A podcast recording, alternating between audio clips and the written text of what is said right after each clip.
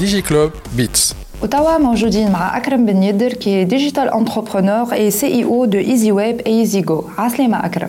Salut Nélia.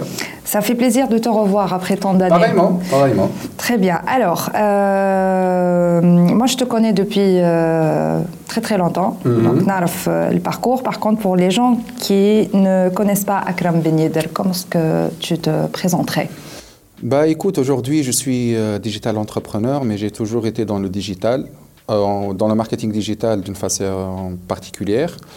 Euh, donc j'ai fait un parcours dans des agences de com, dans des agences digitales. Après j'ai lancé ma propre boîte. Et aujourd'hui j'ai deux activités, une activité fi Tunis avec, avec EasyWeb et une activité en Côte d'Ivoire avec EasyWeb Côte d'Ivoire et EasyGo justement les Très bien. Alors ce passage vers l'Afrique, mhm. comment est-ce que tu as eu l'idée et pourquoi est-ce que, tu as choisi la Côte d'Ivoire? En fait, justement, qu'entrepreneur Twins ou le chef d'entreprise, on, on est plus à l'aise à nous orienter vers l'Europe, l'export vers l'Europe, beaucoup moins euh, vers, l'Afrique. Mais bon, l'initiation s'arrête les خدمت في une société, une marque de café آه، قهوة بن يدر آه، donc وقتها on était sur un projet d'implémentation في Côte d'Ivoire. Donc c'est comme ça que j'ai commencé à avoir une vue d'ensemble sur le pays, dynamique économique, etc. J'ai trouvé que c'était euh, c'était intéressant. C'était vers quelle année à peu près فما خمسة سنين التالي توا. D'accord. Donc, euh, et, et, et وقتها c'était juste par rapport à l'implémentation du, du projet. hein, mais j'ai pas, euh, je ne me suis pas initié autrement le, le, le marché. Donc, فما توا أربع سنين ال- أربع سنين التالي euh, je me suis décidé euh, وقت اللي j'ai repris la communication digitale je me suis décidé à développer ce- le marché ivoirien donc euh, هبطت غاديك عملت une prospection à partir من تونس هبطت ما نعرف حتى حد آه، غاديك j'ai eu de bons contacts و finalement كملت l'activité نتاعي معناها à partir من تونس J'étais principalement sur la formation en marketing digital. On avait accroché avec un cabinet de, de formation ivoirien. Euh, قعدت نخدم من تونس et puis, et puis j'ai vu que le potentiel أكبر برشا نتاع انك انت تقعد تخدموا في à partir من تونس و ça c'est aussi le spécifici- spécificité تاع les marchés euh, subsahariens, ils ont beaucoup de proximité, ils ont sur place pour, euh, pour développer. Justement, en termes de prospection, comment ça s'est passé Est-ce que tu déjà euh, un ou deux contacts sur place et les Houma Sahloul Klaramale Qu'est-ce que ça c'était une catastrophe euh, financière. On était deux, deux personnes, Habat, Anna ou ma femme, qui est en train de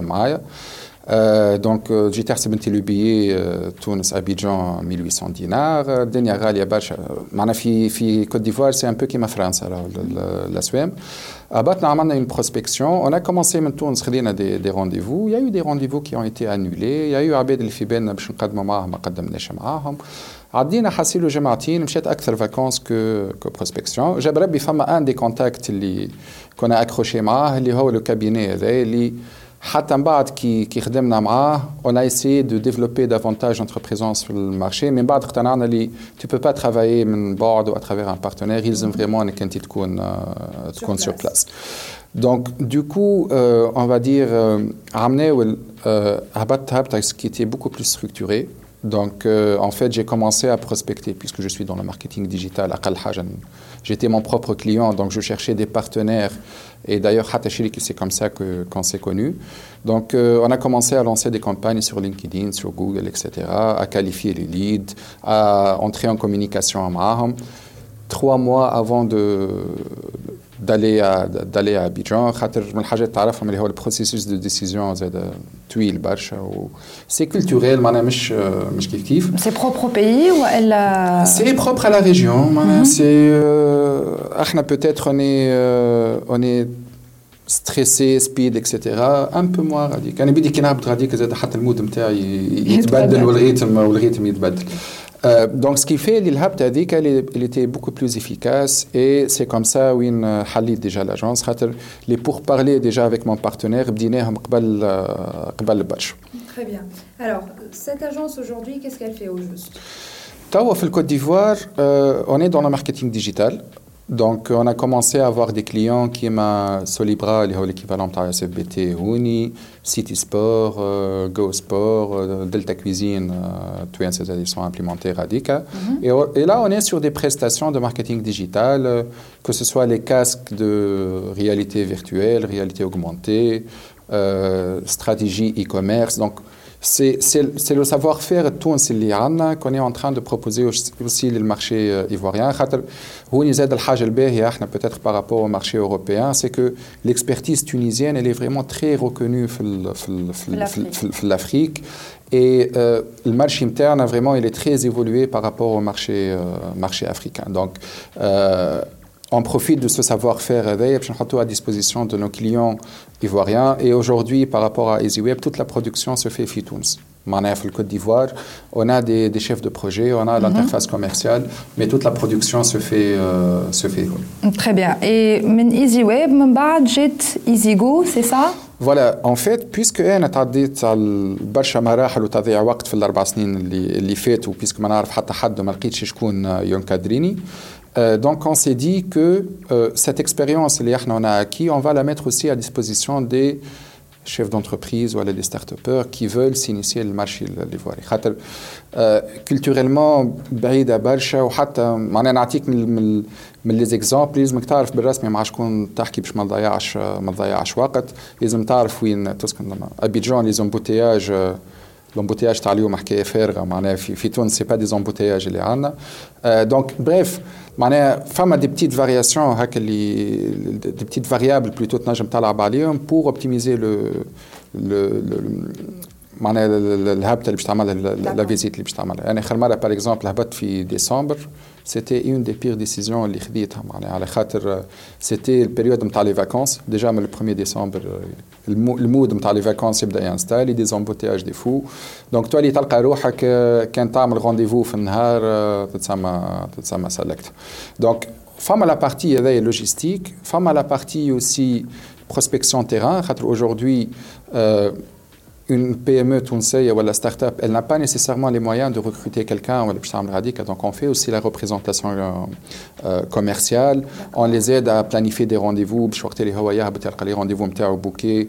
Il y a le sur la partie logistique. Euh, umm et généralement, c'est des séjours courts d'une semaine. On a un follow-up avec les clients pour l'assurer sur la partie.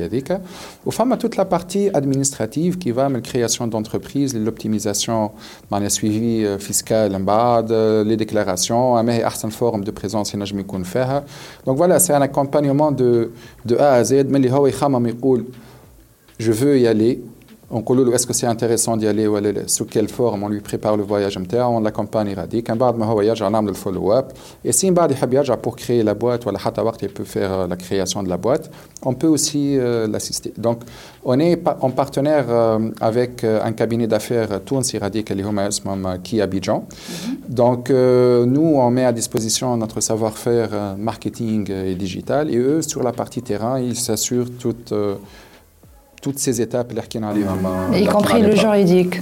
Tout à fait, tout à fait. C'est un coworking space qui fait domiciliation où tu peux être conseillé à la, forme de, création ou bien tu as une société, une société à Côte d'Ivoire.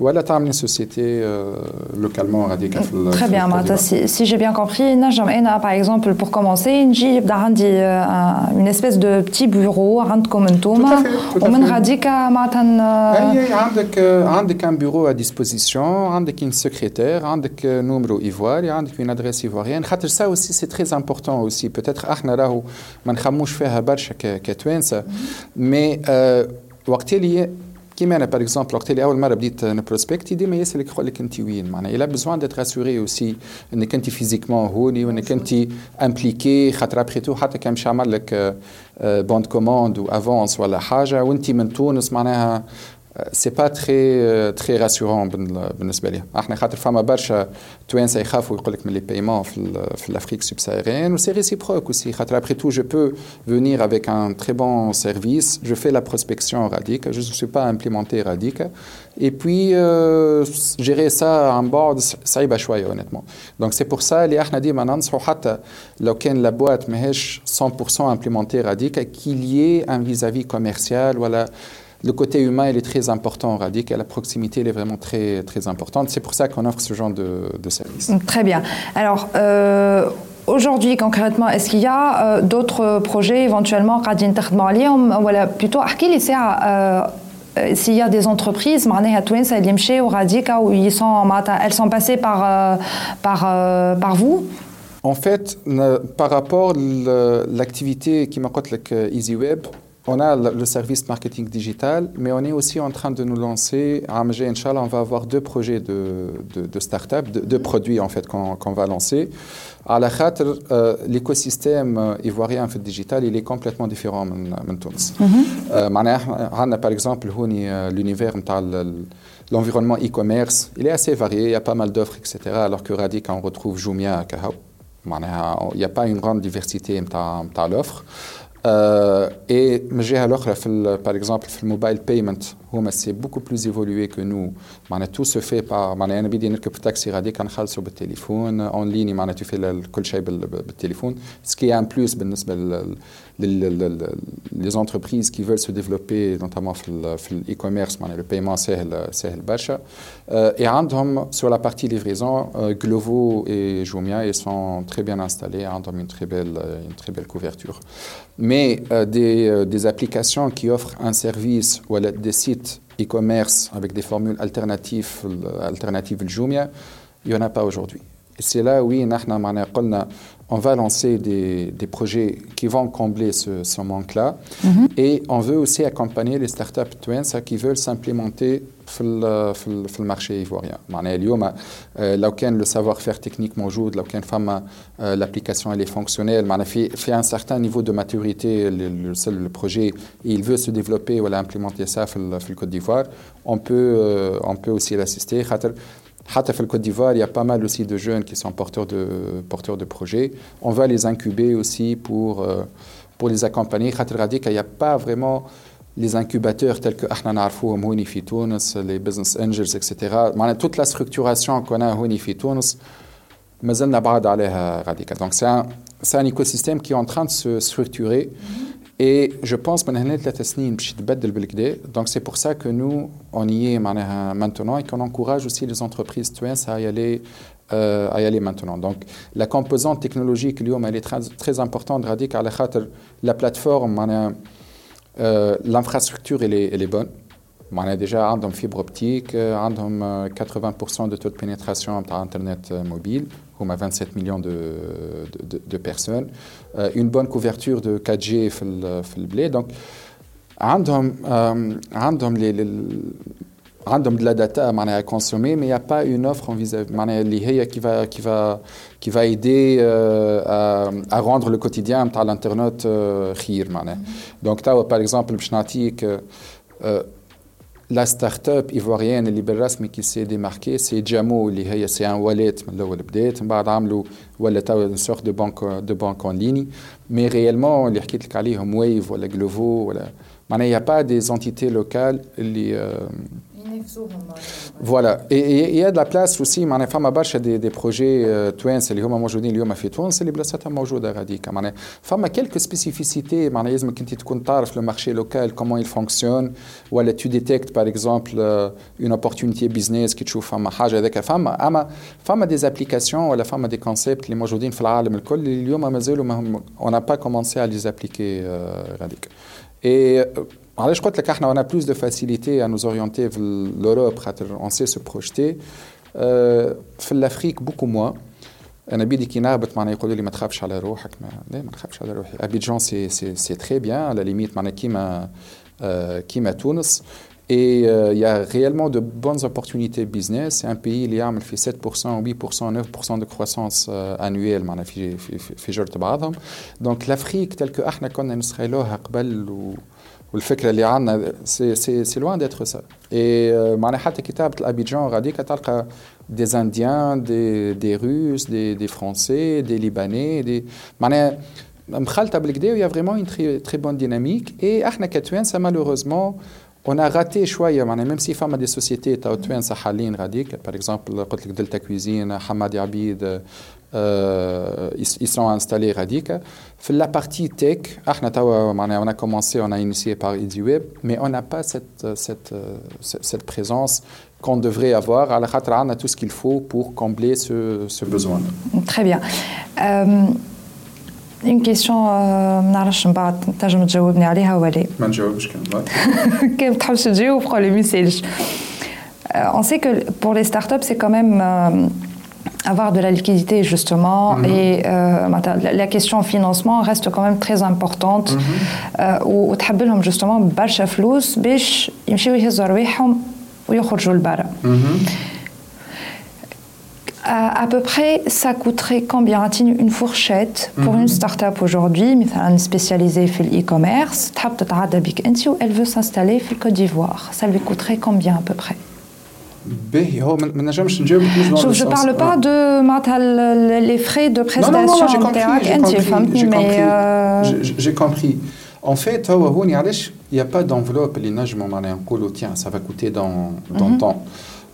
على خاطر selon l'activité business نتاعو selon التارجت اللي يحب يخدم عليها selon السيبلاج اللي اللي باش يعملوا l'effort en communication ولا l'effort d'implémentation باش يكون conséquent par, en conséquence par rapport aux aspirations.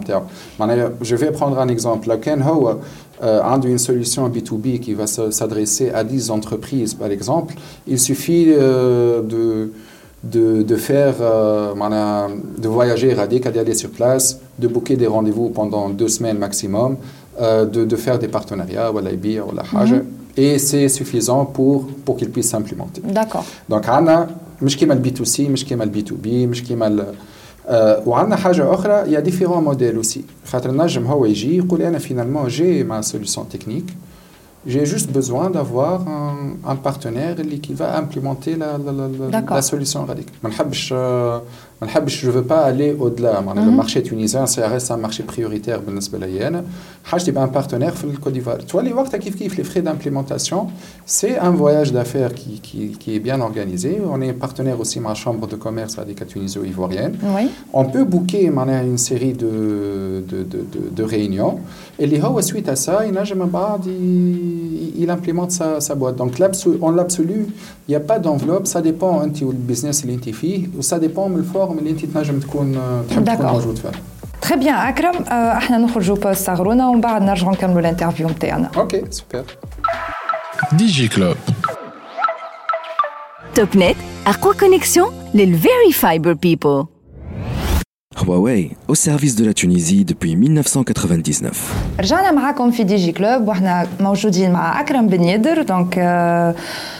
Re Akram. Re. Alors, avant la pause, Hakina euh, à ton, parcours de digital entrepreneur, mhm. Hakina à la EasyWeb, euh, qui fait que euh, tu t'es implémenté dans Côte d'Ivoire. On a parlé aussi de EasyGo. EasyGo, C'est une entité qui accompagne les entreprises tunisiennes qui veulent s'implémenter en Côte d'Ivoire. Très bien. Alors, euh, Hkina, justement, à euh, euh, ce, service que tu offres justement pour les mhm. entreprises tunisiennes pour pouvoir s'implémenter dans le Côte d'Ivoire. Euh, ce pays a quand même des spécificités qu'on devrait justement prendre en considération si on veut lancer une activité radicale. ton retour d'expérience, Akram,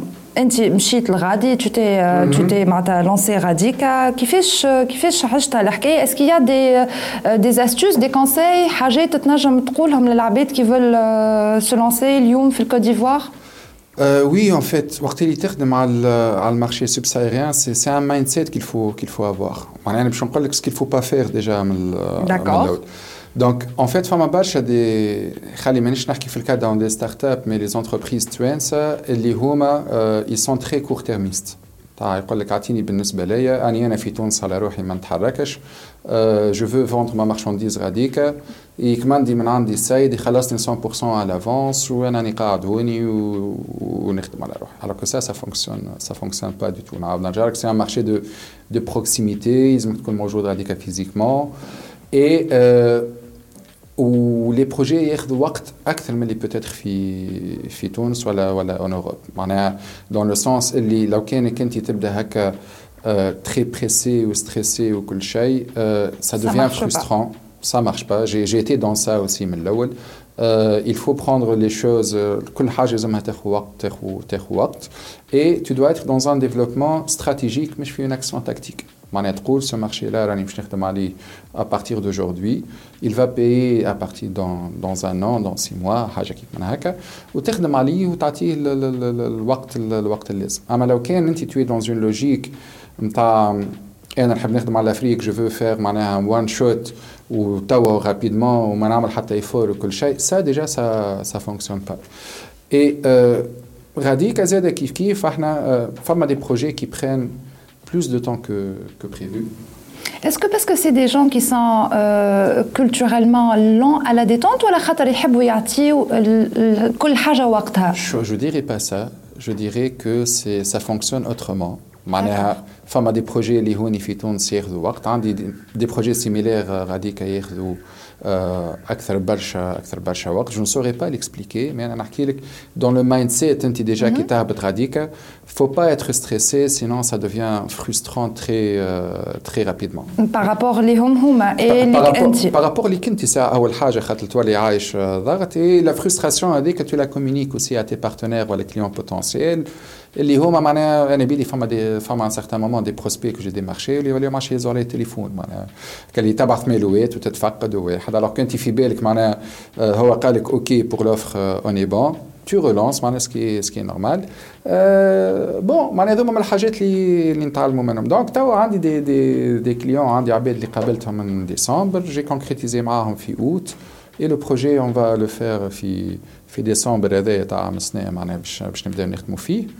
Donc, euh, ça. Mais il ne faut pas stresser, il ne faut pas être pressé, surtout, euh, c'est surtout ça. Très bien. Et euh, d'après ce que j'ai compris, euh, il y a beaucoup de potentiel sur ce marché ivoirien. Mm -hmm. euh, L'infrastructure maujouda, oui. les femmes à fibre, euh, la, 4G, il y a une très très bonne couverture. Tout à fait. veux justement, il y, a, il, y a, il y a des opportunités dans le e-commerce. Est-ce qu'il y a d'autres secteurs qui ont un potentiel pour les entreprises tunisiennes والله شفت لو سيرفيس تاع نحكيو باغ اكزومبل على الديجيتاليزاسيون مطلوبه برشا معناها فما بون جو با اتر تكنيك مي ديجيتاليزي لي بروسيسوس في لي انتربريز فير ابيل ا دي انتيغراتور زاد يا اون فورت دوموند في في هذايا لو سيكتور تاع ليموبيلي غاديك il connaît un boom énorme. Donc, euh, il y a aussi des solutions. À Ahdabil, on est en train de développer une solution pour accompagner les, euh, les parties prenantes dans le secteur, le secteur ADEC. Euh, le textile aussi, il connaît un boom. Honnêtement, كل شيء قاعد كل شيء قاعد قاعد يطلع il y a des opportunités partout مي يعني قلت لك فما جوست حاجات هكا سبيسيفيك ولا كولتوريل ولا كيما نحكي لك في ليموبيلي باغ اكزومبل احنا اون فريمون كروزي بور دي بروبليماتيك très très local وعطينا une réponse ليهم mais sinon pour le reste معناها نقول انا للستارت ابر عندك جوميا عندك لي والت لي مويان دو دو بايمون y compris Jamo, Wave, etc.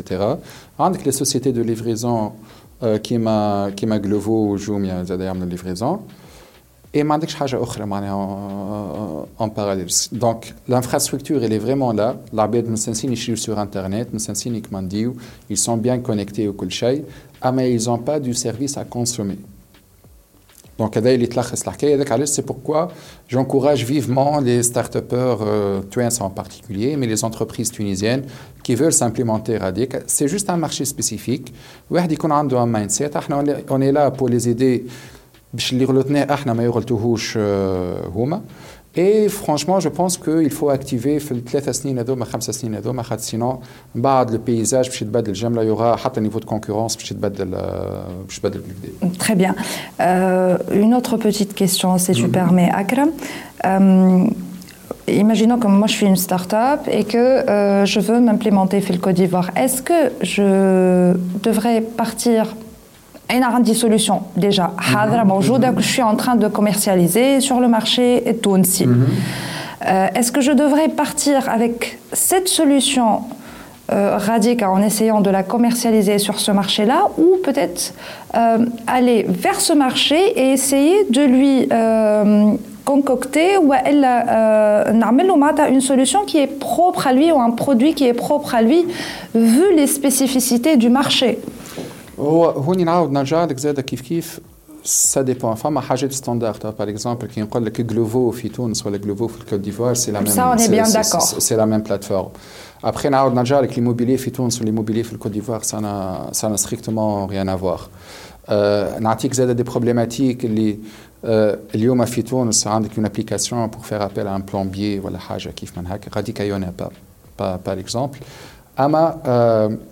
structurer la, la, la, chose, il est beaucoup plus compliqué dans le Côte d'Ivoire que, que في تونس خاطر غاديك les certifications ماهمش موجودين donc du coup لازمك تلقى روحك تعمل une intégration من التريننج من الكاليفيكاسيون باش تحط عباد qui sont vraiment valables sur sur la plateforme اللي peut-être l'effort هذايا ما يستحقش انك انت تعملوا تعملوا في تونس donc le déploiement, et le produit, ou femme des solutions, femme c'est qui, qui, peuvent coller à ce marché-là. Hein, Tr très rapidement, c'est le même comportement. Femme à spécifique, et c'est là où nous, aussi on intervient avec la partie euh, conseil. Donc, un hajé, c'est adaptation, on a l'adaptation, ma fiche adaptation, bah, pas besoin. Après, le mobinote, on est à travers l'alme, les besoins, on a presque, on a et on a les mêmes besoins dans le Côte d'Ivoire, Très bien. Je te laisse le mot de la fin bah, écoutez, j'encourage surtout les, euh, entreprises twins à, vraiment tenter l'aventure africaine. Les Marocains, par exemple, euh, ils sont très bien implémentés sur le, continent. Il y a une politique d'État, euh, mais c'est pas, on n'est pas en retard, c'est pas, pas trop tard. Donc l'Europe, معناها مساتوريا وهي بيتها connaît de plus en plus de, de, de crises et العباد الكل قاعدين يغزروا للافريك ما نخافوش من الافريك راهو احنا ديجا افريكان معناها جوست خلينا نذكروا entre entre parenthèses et euh, nous on est là pour vous assister لو كان انتوما vous avez euh, des appréhensions par rapport au match ما تعرفوش كيفاش vous vous attaquez ولا حاجه on, on, on pourra vous encadrer dans كيفاش on peut vous contacter justement Justement, donc, on a les deux, les deux, les deux plateformes. Donc, EasyGo, izigo.ci, c'est le site euh, ivoirien, donc, les notre euh, la partie accompagnement. Ou easyweb.ci, iziweb.ci, il y a la partie euh, le marketing digital. Sinon, vous pouvez me contacter personnellement, Akram Benid, à la LinkedIn, on a un profil, je me contacter. Donc, à ce niveau-là, le besoin il est exprimé. Il n'y a, y a, y a aucun souci dans, dans ce sens-là. On les fait gratuitement juste pour éviter euh, de, de mauvais choix et impact euh, à moyen ou à long terme. Donc, comme à tout moment, que ce soit EasyWeb, EasyGo ou Akram dans la LinkedIn. Très bien. Merci beaucoup, Akram. Merci à toi.